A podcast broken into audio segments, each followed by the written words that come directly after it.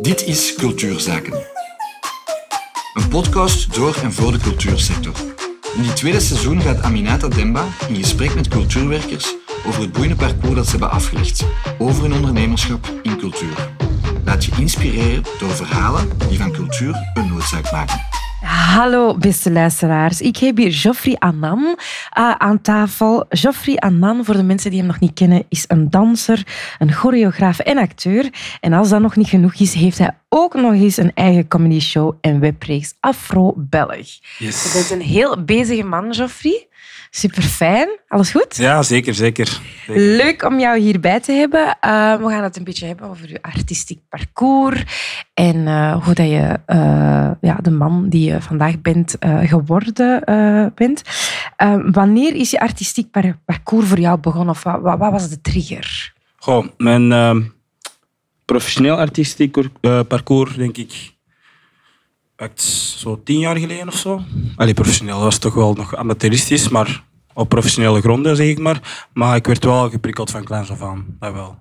Maar op professionele gronden, moet ik zeggen, zo'n paar jaar nadat ik mij heb aangesloten bij Let's Go Urban, mm -hmm.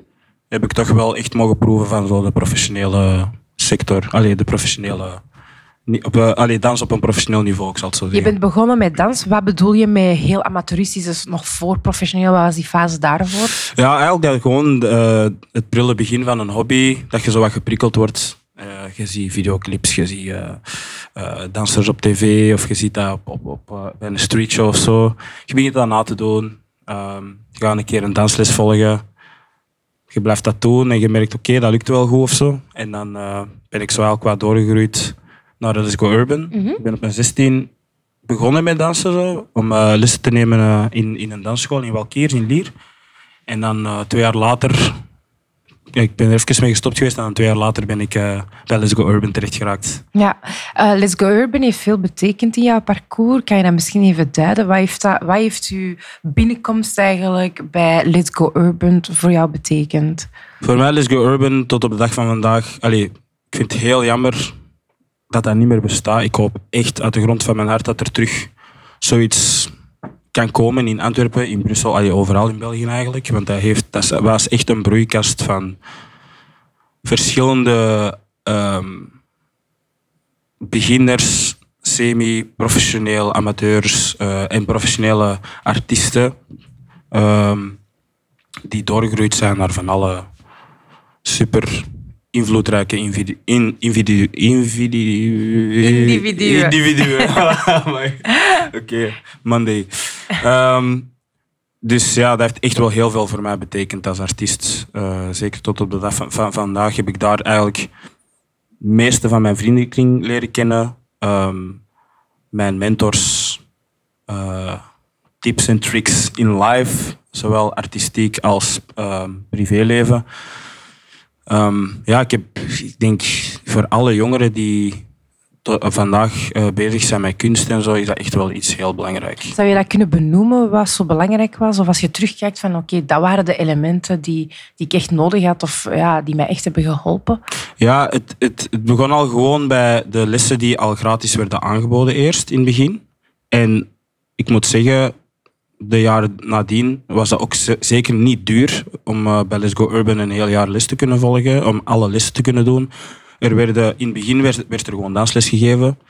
Um, maar wij als jongeren die bij de eerste generatie waren, kregen al snel de kans om op professionele podia te staan, zoals Night of the Proms, uh, in de Vlaamse Opera, in de Arenberg, verschillende theaterproducties gedaan. Dus je voelt als, je bent eigenlijk beginner die naar amateur aan het gaan is, maar je staat wel op van die professionele podia voor het publiek te dansen en dat doet wel iets met u als jongere. Je wordt, uw hobby is eigenlijk al bijna een verdienmodel. Uh, werden het toen, al in het begin werden wij niet veel betaald. Daarna werden wij wel sava voor toen. Maar ja, gewoon om met uw vrienden op een podium te staan, om uw passie te delen, om samen te groeien uh, en concepten te bedenken en, en die euforie en die gelukshormoon dat je daaruit haalt, ten eerste al. En ook de motivatie om dan te weten van oké, ik kan eigenlijk van mijn passie misschien wel ooit mijn job maken. Of ik kan met mijn passie misschien ook wel deels geld verdienen en, en stabiliteit bouwen. En dat is wat in het begin heel hard heeft gespeeld voor mij. Ja, ja. dus ehm, die structuur of die instelling heeft u niet alleen een podium geboden, maar was, als ik het goed begrijp, ook een echte leerschool waar Ja, je je talent zeker. in alle vrijheid kan ontwikkelen, of zeg je dat verkeerd? Ja, eh, talent ontwikkelen, want we kregen... Allee, in de eerste jaren waren dat gratis lessen en dan eh, met subsidie en, en, en ook, ook eh, met stille weldoeners en het harde werk ook van CM destijds. ehm, heeft zij voor ons formules kunnen bedenken. Eh, zij heeft de eh, ruimte kunnen creëren voor meer huizen die eh, met Let's Go Urban begonnen samenwerken. Dat ging van Trix tot Kafka tot Visit in Wilrijk en nog andere zalen die, die gewoon hun zalen en, en space gaven om, voor jongeren om te ontwikkelen, voor lessen te geven. Na een tijd werden er niet alleen danslessen gegeven, maar ook medialessen voor acteur te worden. Er werden ook muzieklessen ehm, gegeven. Wij groeiden ook door als docent, dus wij kregen dan ook les van supergoeie choreografen als eh Ish Aithamu, eh Yves Ruud, dat tot op de dag van vandaag mijn mentors zijn. En Yves is mijn manager ook. Dus dat zijn heel veel dingen dat zo... Ja, ik, ik, ik wens dat voor alle jongeren toe, zoiets. En eh, dat is wel belangrijk geweest ook voor ondernemerschap te leren. En niet alleen de passie, maar ook passie als, dat, als dat werk wordt. Hoe kun je dat scheiden? Hoe, kun je, hoe heb je een verdienmodel eraan? Hoe kun je consistent te werk gaan? Eh, hoe werken KVR's? Hoe, allee, dat zijn dingen die we allemaal daar hebben geleerd. En En als je bedoelt, daar hebben geleerd, ging dat gradueel of was dat echt workshops over, oké, artiestenstatuut, KVR, eh, hoe, hoe geld verdienen?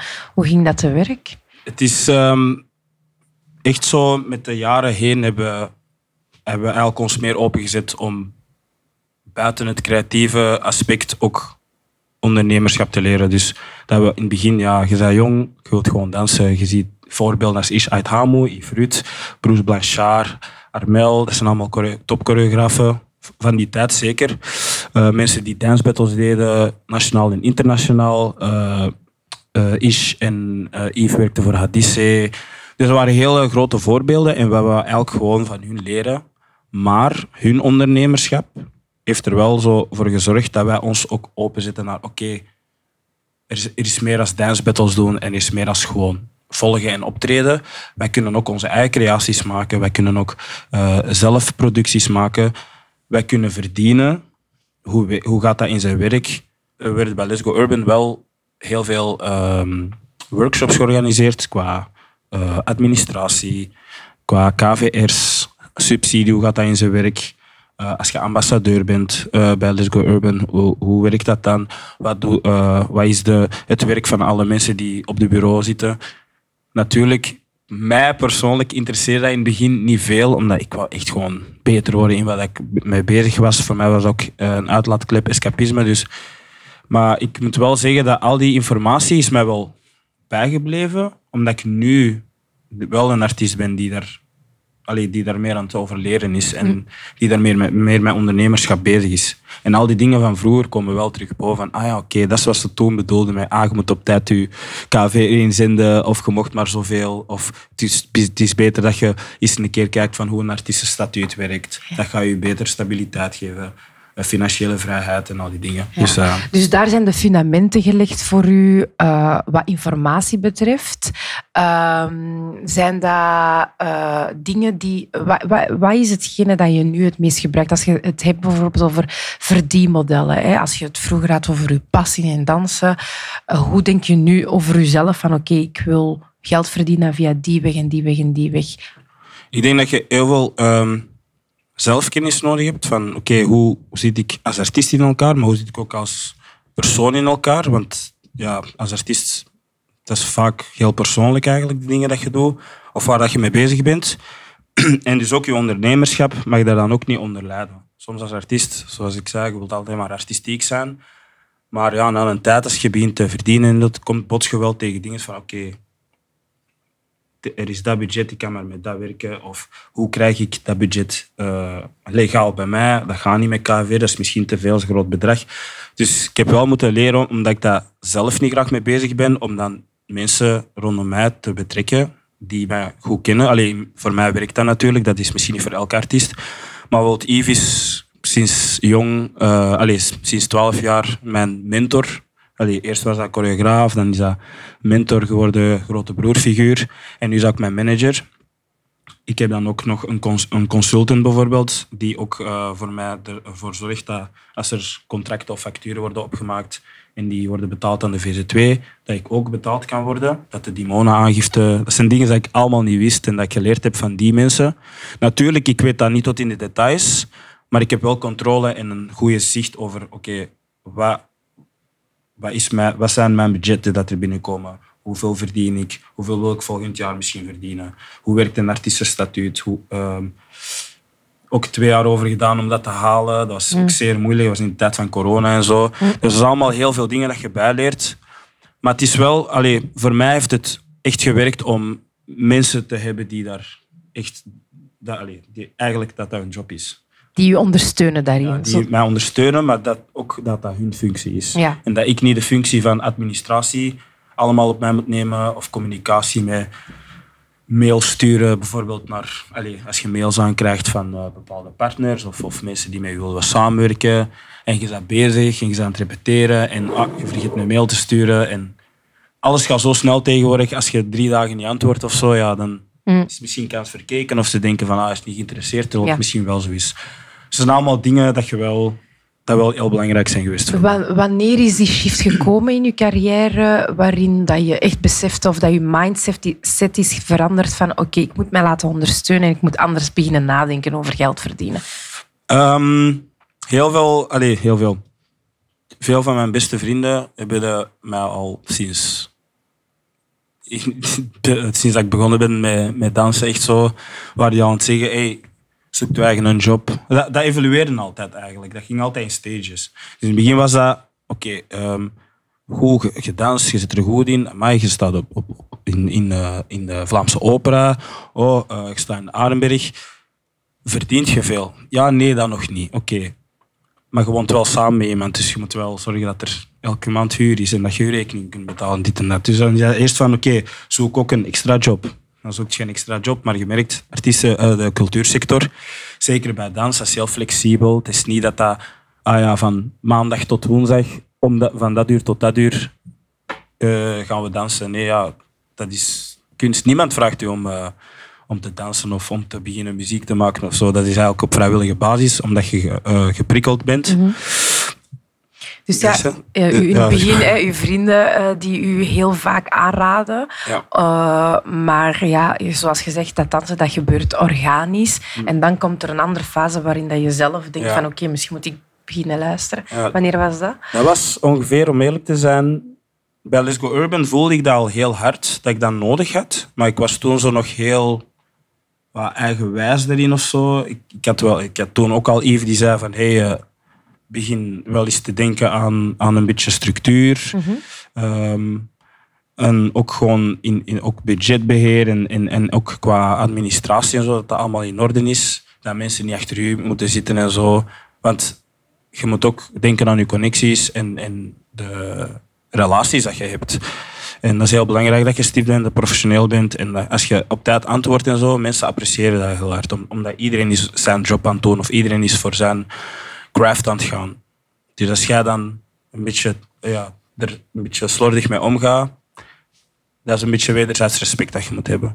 Dus drie jaar geleden, 2019, was voor mij ook een jaar dat ik zo ook meer opdrachten weer begon te krijgen. Ook van echt zo. Sinds 2016, 2016 ben, ik, ben ik gestopt bij Let's Go Urban met lesgeven. En dan heb ik zo wat, wat free, free willy. Uh, beetje overal, hier en daar, wat zoeken en zo. En dan 2019, zo wat drie jaar later, heb ik echt wel een goede netwerk opgebouwd en kreeg ik meer opdrachten. In 2019 was zo wat meer dat ik financieel een beetje betere opdrachten kreeg. En dat was meer zo ja, reclamespots en dit en dat. En mhm. er is altijd wel wat geld, omdat je begint ook na te denken over hoe kan ik een beetje financiële vrijheid bouwen om dan in korte periode even te kunnen, mijn ding te kunnen doen. En dan mm. ga ik weer opdrachten doen die mij misschien wat minder liggen, maar die dan wel geld opleveren, zodat ik gewoon uh, een beetje stabiel ben, toch? Um, en dan uh, 2020, ja, corona kwam. En dat is eigenlijk het jaar dat ik met Afrobelg begonnen ben. Maar Afrobelg was een heel ander formaat dan dansen of choreografie of muziek. Dat was ja, voor veel mensen was dat ineens, ah, dat is de comedian, dus de zwarte comedian, dit en dat. En dan meer media-aandacht en dan kwam ook Dancing with the Stars. En toen eh, heb ik aan Yves gevraagd of hij mijn manager wou zijn. Omdat ik voel, ik kreeg mails binnen, ik kreeg berichten op TikTok, op Instagram van persoonlijke dingen. Uh, ik had t-shirts gemaakt, uh, zo wat parodische t-shirts. Ik wou die verkopen. Dat was zo... Ik, ik, ik ontdekte ineens, oké, er zijn bepaalde vaardigheden die ik gewoon niet heb. En je moet dat accepteren. Je moet niet denken van, oké, ik, ben, ik ben misschien wel oké in wat ik doe, maar ik heb echt wel mensen rondom mij nodig die gewoon die functie goed kunnen opvullen. Ehm, dus ja, dan ben ik naar Yves gestapt. Ik heb gezegd, ja, ja. Yves, ik wil echt mijn artiestenstatuut halen. Hij is eigenlijk echt mijn life coach, mijn financieel adviseur, mijn manager. En dan hebben we ook nog Antonio Cornelis, die um, uh, consulting doet. Ja. Dus je hebt u echt laten ondersteunen in één, uw positie als artiest te versterken ja. uh, door een consultant, zoals je zelf zei, ja. iemand die administratief um, uh, ja, u ondersteunt ook. Ja. Um, zou je in een notendop kunnen benoemen wat de kwaliteiten zijn van die twee personen, van de consultant en uw manager, waardoor dat je echt het gevoel hebt van ik ben hier echt gesterkt? Ja, ik denk dat veel artiesten waaronder mijzelf, heel hard hebben onderschat. Um, weet je, je bouwt echt zo een, een, een curriculum op als artiest. En zo, voor veel is dat heel persoonlijk. En veel mensen willen dat niet weggeven, uit handen geven, omdat ja, dat is iets dat ze hebben opgebouwd. Het is soms moeilijk om iemand te betrekken bij de, contacten dat jij hebt. Jij weet hoe dat jij communiceert. Je hebt een relatie met heel veel mensen, dat je gewoon weet van oké, ik kan er zo mee praten. Maar wat wij soms niet beseffen als artiest is dat iemand dat accountants, uh, een accountant is of een boekhouder is of iemand dat uh, gewoon in de redactie zit en die u mailt of die communicatie doet, die spreekt een heel andere taal dan dat jij als artiest spreekt. Dus dan, jij kunt zo'n mail typen dat zo lang is, met kei emotioneel en uw concept en artistiek, maar die lezen misschien gewoon, ah zoveel, oké, die en datum, oké. Als, je, als je bezig bent als artiest, als je repetities hebt, als je in de studio zit, als je aan het schrijven bent, moet je, even, je moet echt je focus daarop kunnen leggen. En ja. je kunt niet even zo, als iemand vraagt, ah ja, kan je nog even, in uh, het factuur staat er nog iets fout, ah, kun je dat even aanpassen? Ah ja, uh, je hebt daar, moet je nog, moet je nog, uh, nog eens daar en daar tekenen. Oké, okay, dat moeten we wel zelf doen, maar het is, Yves belt mij altijd, die geeft ook reminders, dat ik gewoon ook, hij vraagt ook elke keer, is alles in orde, waar is alles gefixt? Hij, hij is ook art director, dus wat ook heel goed is voor mij, dat als ik projecten heb waar dat ik moet choreograferen of directen, dan springt dat ook even mee van oké, okay, um, misschien zal ik voor u iemand voor communicatie fixen, dat die met de dansers kan overleggen. Dan kun jij gewoon je choreografisch plan rustig maken. En dan uh, zeg mij gewoon wat, dat, wat dat je nodig hebt van de dansers, dit en dat. En dan communiceren ja. wij dat verder. Het zijn allemaal dingen dat zo u, um, alles wat dat jij wilt uh, uh, verwezenlijken, alles wat jij wilt uitschrijven, concepten, whatever, is maakt dat veel draaglijker. Ja, dus uh, de spanning tussen het creatieve en het, uh, ja, het businessgedeelte, ja. daar zit een spanning op en soms kun je niet alles dragen en ja. dat verlicht eigenlijk ja, door de juiste mensen. Dat is wat mensen bedoelen met u te omringen met de juiste personen. Um, heel helder. Um, hoe was het voor jou om je plek te vinden in het veld? Hè? Want je, je bent danser. Er is al een hele dance scene. Er is niet alleen een dance scene in België, er is een dance scene internationaal, in Parijs, in Nederland. Uh, hoe, was, ja, hoe, hoe was dat parcours voor jou om je plek te vinden? Uh, niet alleen qua stijl, maar ook gewoon van wat ga ik, wat ga ik bieden, waardoor dat er ook een business idee achter moet komen. Goh, dat is, um, bij mij is het gekomen door te proeven van verschillende, de verschillende smaken in, in, in één sector bijvoorbeeld. Bij dans bijvoorbeeld, vaak mensen denken, ah, dansen dat is, dat is, dat is één ding, dat is, maar met dans kun je heel veel doen. Mm -hmm. dus bijvoorbeeld met dance battles, zal ik al een voorbeeld geven. Um, ja, je bent je elk gewoon te trainen. Bijvoorbeeld als je hip-hop doet of um, een ander stijl. Je begint op die stijl te trainen, maar dat is freestyle improvisatie. Maar je hebt altijd fundamenten die je leert in elke stijl. Hè. Bij salsa heb je dat ook, bij andere. Je hebt altijd alle fundamenten en dan begin je daar zelf eigenlijk je eigen lich- lichaamstaal mee, mee eh, te creëren. En vanaf je die grammatica doorhebt, gaat je naar een dance battle. Dat is je eerste stap. En weten, dat zoals bij elk begin. Je doet preselectie, je bent er een keer niet door, je bent er nog niet door. Oké, je bent er door. Eerste ronde, tweede ronde, semifinals. Soms finals, dan win je een keer. En dan begint je zo, oké, ja, je bouwt ook respect op. ehm, je bouwt connecties op. Je bouwt ook een, een bepaalde status op. Waardoor dat je ook meer dingen na een tijd gedaan krijgt. Ehm, mensen beginnen nu te vragen als kerst, als jury. En dan kun je weer, dan begint het weer van, oké, nu begin ik geld te verdienen ermee. Ik ben daar als jury. Ik mag daar workshop geven. Dat moet ik wel blijven onderhouden. Maar battles alleen, daar verdient je niet genoeg geld mee. Want je gaat niet altijd winnen en altijd jury zijn. Dus dan moet ik ook beginnen nadenken, oké, ik doe dit graag. Dat is eigenlijk hetgeen in dans tot op de dag van vandaag wat mij heel hard voedt. Maar er zijn ook dingen die ik misschien wel leuk vind. Ah ja, theaterproducties hebben we ook gedaan. Misschien moet ik zelf eens een auditie voor een theaterproductie gaan doen. Dan doe je ook audities, soms zit je erdoor, soms niet. En dan heb je een theatertour. En bij mij, bij de eerste theatertour dat ik deed, was bij Sing Collectief. Ehm, ja, dat was super. Je, je, bent aan het repeteren, je wordt betaald. Eh, je, je leert podiumkunsten kennen. Eh, ah ja, het Barema's. Ik dat eerst niet. Je krijgt shows, je wordt betaald. En dan, naarmate dat je dat allemaal in verschillende sectoren begint te doen, heb je, ziet je dat je verschillende verdienmodellen hebt. Dan is het nog je tijd goed verdelen. Wat wil ik graag gaan doen? Want als ik heel een tijd theatershow heb, kan ik geen dance battles gaan doen. En dat is ook een beetje anders dan theater. Zou je kunnen zeggen dat dans je heel veel opportuniteiten heeft geboden, waardoor dat je in deze situatie zit nu? Ja, ik vind dat dansers eigenlijk in de kunstensector, en allee, ik mag niet, ik zeg niet dat, we, dat wij de laagste zijn, want er zijn, alle artiesten werken hard, maar wij zijn zo, wij zijn zo een beetje overal. Alles met beweging eigenlijk, ehm, daar kunnen een danser of choreograaf voor gebruiken. Ik ben als danser echt op veel plekken geweest. Dingen dat ik minder graag deed, dingen dat ik heel graag deed. En ook zo gewoon soms toeval, allee, toeval, toeval ja. Ja, toevallig zal ik maar zeggen. Ehm, dat je geboekt wordt voor dit of dat. Komt zoals in bedrijven voor auto's, voor BMW, dat je gewoon daar voor een pers- personeelsfeest iets moet doen. Maar ja, je leert zoveel mensen kennen dat je na een tijd... Je wordt ook veel geprikkeld en daar leer je ook weer veel van. Dus eh, als ik het goed begrijp, heeft dat je eigenlijk eh, een, een, een deur geboden in verschillende sectoren Ja. waarin dat je hebt kunnen ontwikkelen, groeien, mensen leren kennen en dat je zelf kunt eh, aanvoelen, oké, wat, wat ligt mij wel, wat ligt mij niet, waar Ja. kan ik in verder gaan, Ja. wat, wat inspireert mij om eigen projecten op te stellen. Geeft heel veel opportuniteiten om te netwerken.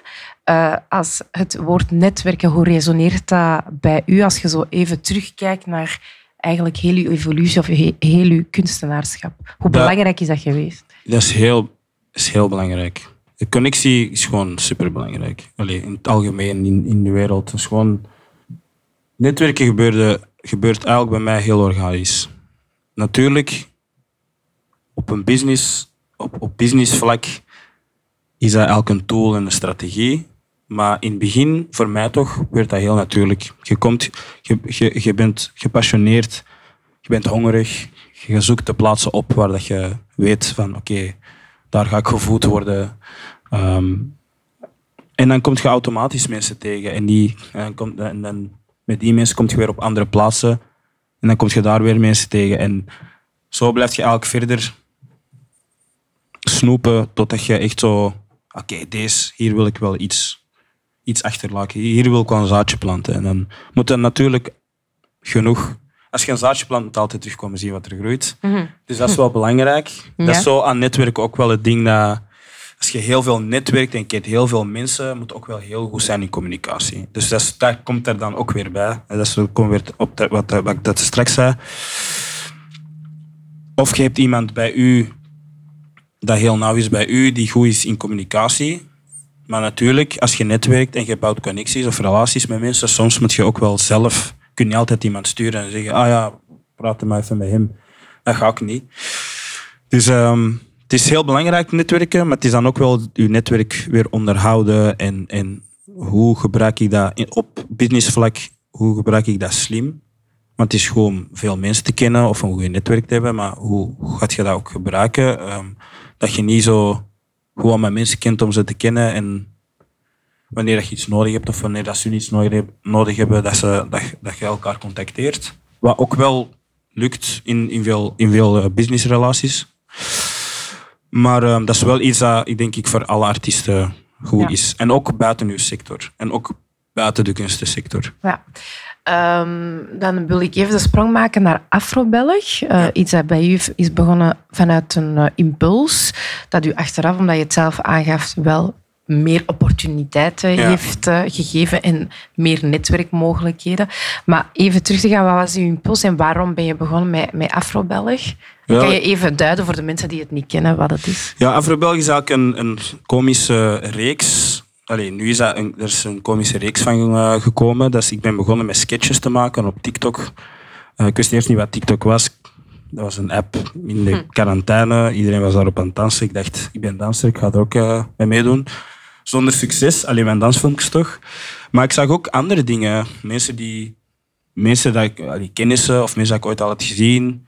Ehm, die ook sketches ineens aan het doen waren en gewoon grappige dingen aan het vertellen waren of gewoon hoe, hoe, hoe hun dag is. Het was eigenlijk zo wat genuine, maar ja, dan toch digital, maar toch wel zo ja, redelijk oprecht nog of zo, in het begin, voor mij toch. En eh, ik zag Nicolas Kaiers, die zo sketches maakt over Vlaamse familiefeesten en dan doet hij allemaal typjes na. En, ehm, wat doet hij nog? Leer, leraren op de, op de lagere school of op de secundaire school. Super grappig. En ik dacht, ah, ik heb ooit bij Let's Go Urban heb ik, eh, acteerlessen gedaan. Ehm, dat me ook wel goed lagen en wat ik ook wel tof vond. En ik dacht, ik ga gewoon ook eens zo'n typje spelen. Maar omdat ik, ik, heb, eh, ik ben Belgisch en Afrikaans opgevoed. En ik, weet van mezelf dat ik een goed Vlaams accent heb. Dus ik denk, ik ga een typje doen met een Vlaams accent. En dan ervaringen als een persoon die eruit ziet als ik. En ik was een woord aan het zoeken. Ik wou niet met N-woord of weet ik veel wat beginnen, omdat ja, dat, wordt, dat werd wel vaak gezegd door het typje dat ik speel. Dus ik had zoiets van, oké, Afro-Belg, we gaan dat gewoon zo noemen. Ik was in het begin zo gewoon wat Antwerpse woorden aan het doen en dit en dat. En dan was dat zo over ervaringen als Afro-Belg. En dat is op TikTok ineens, was ze noemen viral gegaan. Ik zie dat niet graag op mijn eigen, maar... Ehm, en ik merkte, dat was echt een impuls. Dat was gewoon, ik ga gewoon eens doen. Ik heb tijd. En toen merkte ik van dat dat eigenlijk een soort van maatschappelijke need was of zo. Voor heel veel mensen van kleur toch vooral. Ook me- witte mensen, maar heel veel mensen van kleur begonnen te reageren. Wow, wow, dit, dit, dit zijn dingen dat ik heb meegemaakt, hilarisch, dit, dat. Ook heel veel ja, witte mensen oh hilarisch, oei, mijn, mijn, mijn papa eh, eh, zegt soms zo'n dingen. Of oei, ik heb zelf ook al zo- zo'n dingen gezegd. Het is heel accuraat, maar sorry voor... Want we begrijpen wel de message die erin zit. En ik had drie sketches gemaakt en ik was, allee, ik was wel van... Ik ga dat niet blijven doen. Dat is zo... Ja. Was dat een toevalligheid dat je een bepaald publiek raakte, denk je? Ehm, ik wist van binnen wel dat, dat dat ergens grappig ging zijn, maar ik had niet verwacht dat dat zo zwaar lag bij iedereen. Er was, precies- dat was precies zo... Ja, ik zeg zijn naam nu misschien niet graag in de media, maar ik ga dat toch doen. Ali B heeft ook ooit een grappige eh, grap gemaakt. En die zei... Ik ben de scheet van de Marokkaanse... eh, ik weet niet. Inborst. Ja, zoiets. Ja, zo... Mm. Het is niet dat ik dat ben, maar dat was wel zo... Precies voor heel veel mensen zo'n relief. Van... Wauw, eindelijk zegt eens iemand dat op een manier dat niet eh, lijkt op een debat. Mm. En dan Humor. merkte ik van, ja, humor. En humor is echt ook een... Dat werkt heel helend voor trauma, maar ook... Je gaat onrechtstreeks eh, een debat voeren. Ja.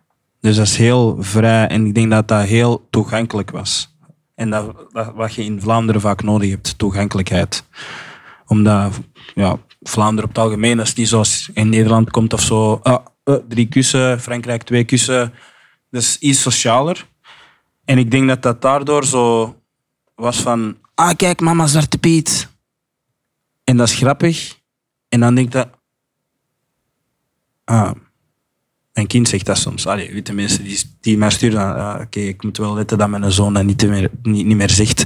En die dingen. En dan was het voor mij echt wel van, oké, deze is wel belangrijk. Deze is wel belangrijk ook voor de volgende generaties die komen. Dat ze iemand zien van, oké, dat is representatief, dit kan, wij kunnen dit ook. Wij kunnen ook sketch, wij kunnen ook acteurs zijn, wij kunnen ook presentators zijn. Wij kunnen ook voor jobs gaan waar dat we eerst van dachten van, ah ja, dat ligt mij niet, dus ik ga daar sowieso al niet voor gaan. Dus. Dus in dat opzicht heeft dat veel functies gekregen. Je hebt eh, sociale media ingezet eigenlijk als tool om herkenning te bieden en representatie te bieden voor een groep mensen die dat misschien in het algemeen niet, niet, niet kunnen ervaren. Ehm, wat, eh, wat heeft dat voor opportuniteiten voor jou ge- geboden? Want je Eh, zei ook, vanaf dat moment is er ook veel veranderd. Ja, er is veel veranderd. En ik was in het begin heel sceptisch erover, omdat ik dacht... Is het nu... Omdat het ook zo politiek correct is. Want dat was wel het jaar van zo Black Lives Matter en de protest. En dan eh, veel dingen in de media ook rond racisme. En, en dingen, eh, de discussie van Sinterklaas. En Er kwamen heel veel dingen weer op. Dus ik denk dat dat een deel is van oké, want je zag ook heel veel eh, mediaplatformen en ja, reclame en met meer diversiteit, zal ik maar zeggen. Wat voor mij een woord is dat, dat is- dat woord is zeker oké, maar dat komt een beetje dubbel over voor mij, omdat diversiteit voor u en ik is, ja, wij leven daar dan al jaren in of zo. Dus diversiteit voor de media is dan van, ah, wij, wij betrekken jullie nu, dus voor ons is dit nu diversiteit. Maar voor ons is, wij zijn altijd, wij zijn de diverse, in jullie diversiteit. Dus Ja. Maar heb je op een gegeven moment gedacht van ik ga dit gebruiken? Ja, ja, op- ja. Daarna werd het wel een soort van... Strategie zou ik niet zeggen, maar eerder een, echt een uitlaatklep en een bredere waaier voor iedereen. Afro-Belg ook, de, de, de benaming was ook zo van, oké, kijk, we, we- er, zijn, zijn Afrikaanse diaspora, er is kolonia- kolonialisme geweest. Het is heel belangrijk dat we beseffen dat deze samenleving dat dat gaat blijven en dat dat alleen maar verder gaat uitgezet worden zowel wij als, eh, mensen met Afrikaanse origine moeten dat beseffen, als mensen met Belgische origine, ehm, dat dat niet gaat, dat gaat gewoon niet veranderen. Maar het is wel tijd voor, voor de volgende generaties dat die niet eh, met de dingen, eh, met dezelfde conflicten in aanraking komen als wij. Dat moet echt stoppen, want dat, mensen gaan er echt, dat gaat niet goed komen. En dat is ook, ja, daarna was dat echt gewoon een tool voor mij om zelf mijn eigen allee, trauma's, zou ik maar zeggen, en identiteitscrisis een beetje te verhelpen. Om ja, als, als zwarte artiest in Vlaanderen gevoelt dat ook wel. Als danser misschien niet echt, omdat je zoekt gewoon dans, sowieso hip-hop. Hip-hop is van de black culture. Je voelt je sowieso thuis daarin. Dat is, je, je weet, al je voorbeelden daarin zijn, zien er ook uit zoals jij. Maar in Vlaanderen, ja, als acteur, als, als presentator. ehm, en dan, dan heb ik het over cre- creatieve jobs, maar dan als je over dokters en psychologen. En ik, ik zie niet veel mensen van kleur, of toch niet zoals jij en ik, Ja. een donkere huidskleur. En dat was ook een, dat is ook een frustratie bij mij, eh, bij mij omdat ik was dan, allee, zeker nu eigenlijk, en nu is dat niet zo'n frustratie, maar eerder zoiets van ik wrijf het graag in, hun- in, in, in, in, in de, het gezicht van de witte media, omdat die serie dat we dan hebben gemaakt achteraf, dat is een jaar later, wat voor mij heel snel was, want het was- waren eerst sketches en dan Arenberg kwam erbij, maar echt, dankjewel. En Even Ish met hun productiehuis en Anthony en Chingis met hun productiehuis. We hebben krachten gebundeld en we hebben ervoor gezorgd dat we een super professionele eh, set hebben gebouwd en eh, zes afleveringen hebben gemaakt van het eerste seizoen van Afro-Belg. Dat was mijn volgende vraag. Heeft Afro-Belg of het succes, succes daarvan geleid tot eh, andere projecten waar je nog niet mee bezig was? Eh, ja, eh, ik heb bijvoorbeeld door, ik denk dat, dat ze door Afrobelg hebben gezien dat ik wel een kleine, allez, paar vaardigheden bezit van, eh, van acteren. En dan heb ik wel in een film mogen spelen, FOMO. Ehm, en dat was mijn eerste ervaring eigenlijk, Allee mijn tweede, want van Afrobelg was ook een professionele set, maar van FOMO was wel echt een filmset. Dat was echt wel hm. een maand.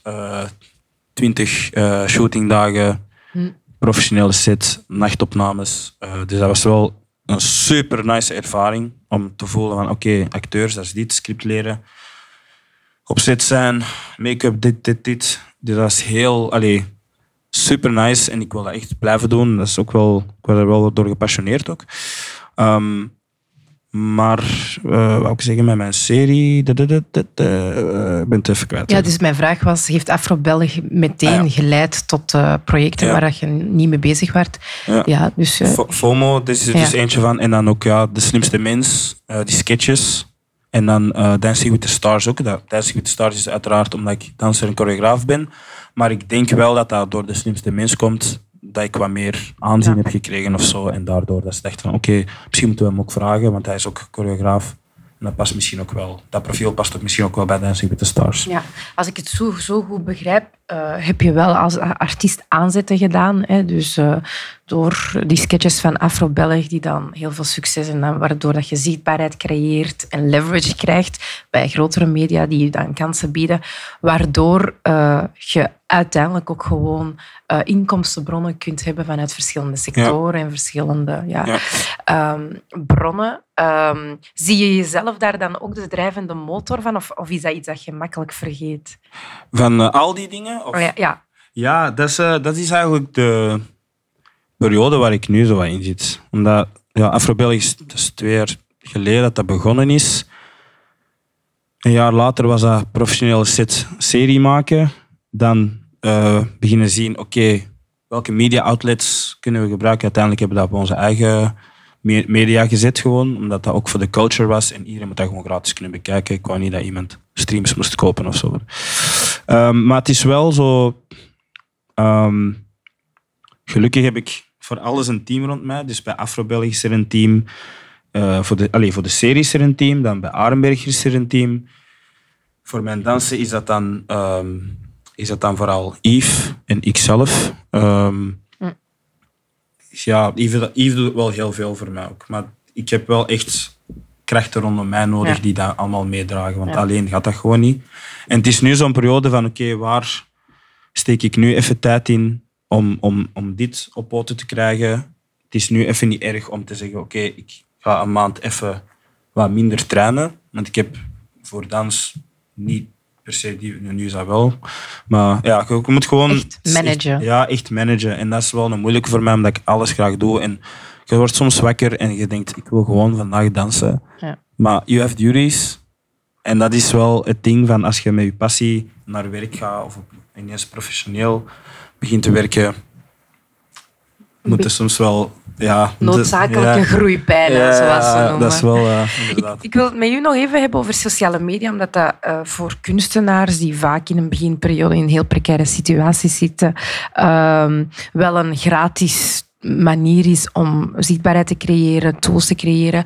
Ehm, is dat een fundamenteel ding geweest voor u, het- de, de evolutie van sociale media en hoe dat we dat kunnen gebruiken in uw carrière? Ja, ja, dat is wel... Ik ga wel zeggen, ja, dat is, dat is mijn ups en downs geweest, maar on the long term heeft dat mij wel heel hard geholpen. Maar social media, denk ik, voor alle, niet alleen voor artiesten, maar is voor iedereen wel zo een escapisme soms, of zelfs verslaving. Allee, iedereen loopt de hele tijd met zijn gsm rond. Soms zie ik mensen zijn gewoon aan het scrollen, niks aan het doen. Dat is van users naar abusers gegaan eigenlijk, van social media. En dat is wel het gevaar dat je... In het begin was dat heel genuine. Oh, allee, Instagram bijvoorbeeld, TikTok. Ehm, heel makkelijk om je content erop te zetten. Je kunt snel ontdekt worden. Je kunt veel netwerk, eh, kunt je netwerk uitbreiden. Kunt met mensen aan de andere kant van de wereld indirect direct eh, messages sturen.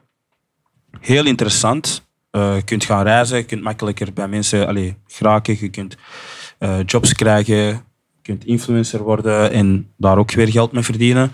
Maar als, dat, als je daar geen evenwicht in vindt en dat wordt dan de trekker in je carrière, dan gaat je daar ook met periodes afhankelijk gaan worden. En dat is het gevaarlijke ervan. Omdat dat is vaak niet echt.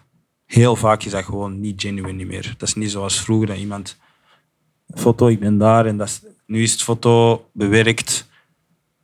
Ik ben daar met een goede caption erbij. Veel kopen hun likes er nog eens bij. En als je niet oppast als artiest, je bent entertainment, je bent gewend om bevestiging te krijgen, je bent gewend dat mensen naar je kijken, je bent gewend om ehm, te vergelijken soms. En als je dat op Instagram gaat doen of op TikTok, en je begint naar andere mensen te kijken en je begint naar de nummertjes te zien en je begint jezelf te vergelijken en je begint te zien naar wat het goede iedereen doet en wat iedereen wint. En je bent zelf als artiest in misschien een mindere periode of een warrige periode of je, je, raakt niet genoeg geïnspireerd. Ja, dan kan dat wel zo eens tegenslagen dat je je begint te vergelijken en dat je denkt ah ja, ik moet, ik moet misschien meer die richting gaan doen en dan ga ik dat ook bereiken, maar dat is die persoon zijn of haar carrière. Dat is, dat is niet uw carrière. Dat is wel het, het gevaarlijke. En daar moeten we wel een goede balans in vinden. Maar uiteraard heeft dat voor mij wel heel veel goed gedaan ook. Ja. Ja. Dus dan hebben we het meteen ook over de valkuilen gehad. Dus het belangrijkste is goed dicht bij jezelf blijven. En Ja, maar in de dag van vandaag, die bij zelf blijven, hoe, vaak is een mens echt zichzelf? Hè? Dat is zelfs niet alleen met social media, maar ook gewoon als je, komt bij familie, iemand zegt iets, eh, vrienden komen bij die zeggen iets, dat kan je, dat kun je touchen en je kunt ineens zoiets hebben, ah, ik ben slecht bezig, of ik ben, oh nee, deze is niet goed. Of... Dus ja, ik denk soms ook afstand nemen ervan gewoon. En dat is soms moeilijk als je er mee aan het verdienen bent en je hebt een contract getekend waar dat je zegt ik ga drie maanden een, een post elke maand doen en ik moet actief blijven, want mijn engagement checken ze en ze vragen mijn statistieken na drie maanden. Dus ik moet wel zien dat ik blijf, eh, dat er volgers naar mijn pagina blijven komen, zodat die statistieken goed zijn, dat ik voor de volgende keer ook nog een opdracht krijg, of misschien een beter betaalde opdracht krijg. Dan begint het al te gaan van, ah ja, dat zit al drie maanden vast aan je social media. Je moet erop zitten, want je moet je engagement goed houden. Je botst dan ook op tegen mensen die dat kopen, waar dat heel veel brands nog intrappen. Hè, want je hebt mensen met 300.000 volgers en, en, en, en, zoveel likes, maar die kopen dat dan. En jij hebt dan een keer 1000 likes en dan een keer 100. En dan denk je bij die 100, ah, wat doe ik verkeerd? Ah, niks, je algoritmes. Misschien, allee, je hebt een week niet ja. genoeg interactie gehad. Maar ja, dat is wel zo... Dat is een hele business geworden. Dus dat is wel soms zo moeilijk om afstand van te nemen. Maar je moet dat wel soms doen. Ja, we hebben het al gehad over. eh, eh, wat- dat zal denk ik één element van wat, wat moeilijk kan zijn aan eh, cultureel ondernemen. Wat is het moeilijkste geweest voor u? Je hebt het al een beetje aangeraakt. De laatste tien jaar in cultureel ondernemerschap van uw eigen parcours. Vooral niet... ehm, geen clarity hebben op waar je naartoe aan het gaan bent. En soms is dat leuk als artiest, dat je gewoon van dag tot dag leeft en je bent gewoon zonder te denken. Maar dat is ook wel gevaarlijk als je wilt groeien. Eh, want je kunt wel escapisme en uitlaatklep en therapie in, in, in je kunstvormen zien. Maar ja, je moet nog altijd in deze maatschappij leven. En deze maatschappij draait op geld. En dan is het ook wel belangrijk dat je stabiel bent, structuur hebt en dat je zeker niet financiële problemen bouwt. Want dat kan als artiest echt wel zo een sleur worden. Als je, je weet dat je goed bezig bent als artiest, je weet dat je geskilled bent, maar je hebt niet de juiste vaardigheden. Je hebt niet de juiste eh, vaardigheden ook om, om, om je budget te beheren. Je hebt niet de juiste vaardigheden om op de juiste manier te communiceren met, de, met bepaalde personen. Dat heeft voor mij wel heel veel sleur gebracht. Ik was altijd een doorzitter en ik deed mijn dingen graag, maar ik ben ook wel heel vaak gedemotiveerd geraakt door het feit dat ik wist van... ehm, ja, ik kan deze maand mijn huur niet betalen, of ik, ik, of ik ben te laat, of ik sta wat achter met dit, of ik moet weer gaan lenen bij een vriend. Of ik, dat zijn heel veel dingen dat, zo, dat brengt soms schaamte op. Je gaat daar soms niet goed mee om. Ehm, ja, als je met schaamte al ergens moet komen, waar dat je normaal komt om, je, om te dansen en je uitlaatklep, en je komt daar met schaamte, en na een tijd, ja, je zit gewoon binnen en je kunt bijna niks meer gaan doen, omdat je gewoon socially awkward bent. Of, Niet meer functioneren. ja, Het voelt u niet. ja, en dan, dat is, dat is een hele moeilijke. Dus dat is echt wel iets, dat als, als, als artiest of als ondernemer, allee, dat je dat wel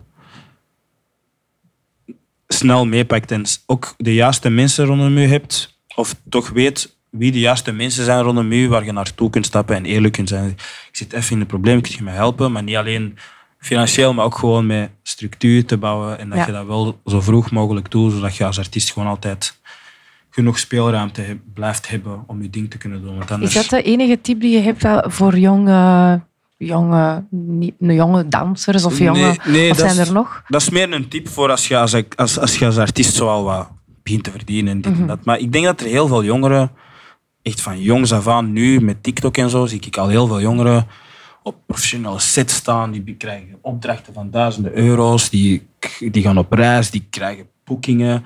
Dat ik denk van op mijn leeftijd was dat nog niet zo, of toch niet voor iedereen, of toch niet voor zoveel als nu.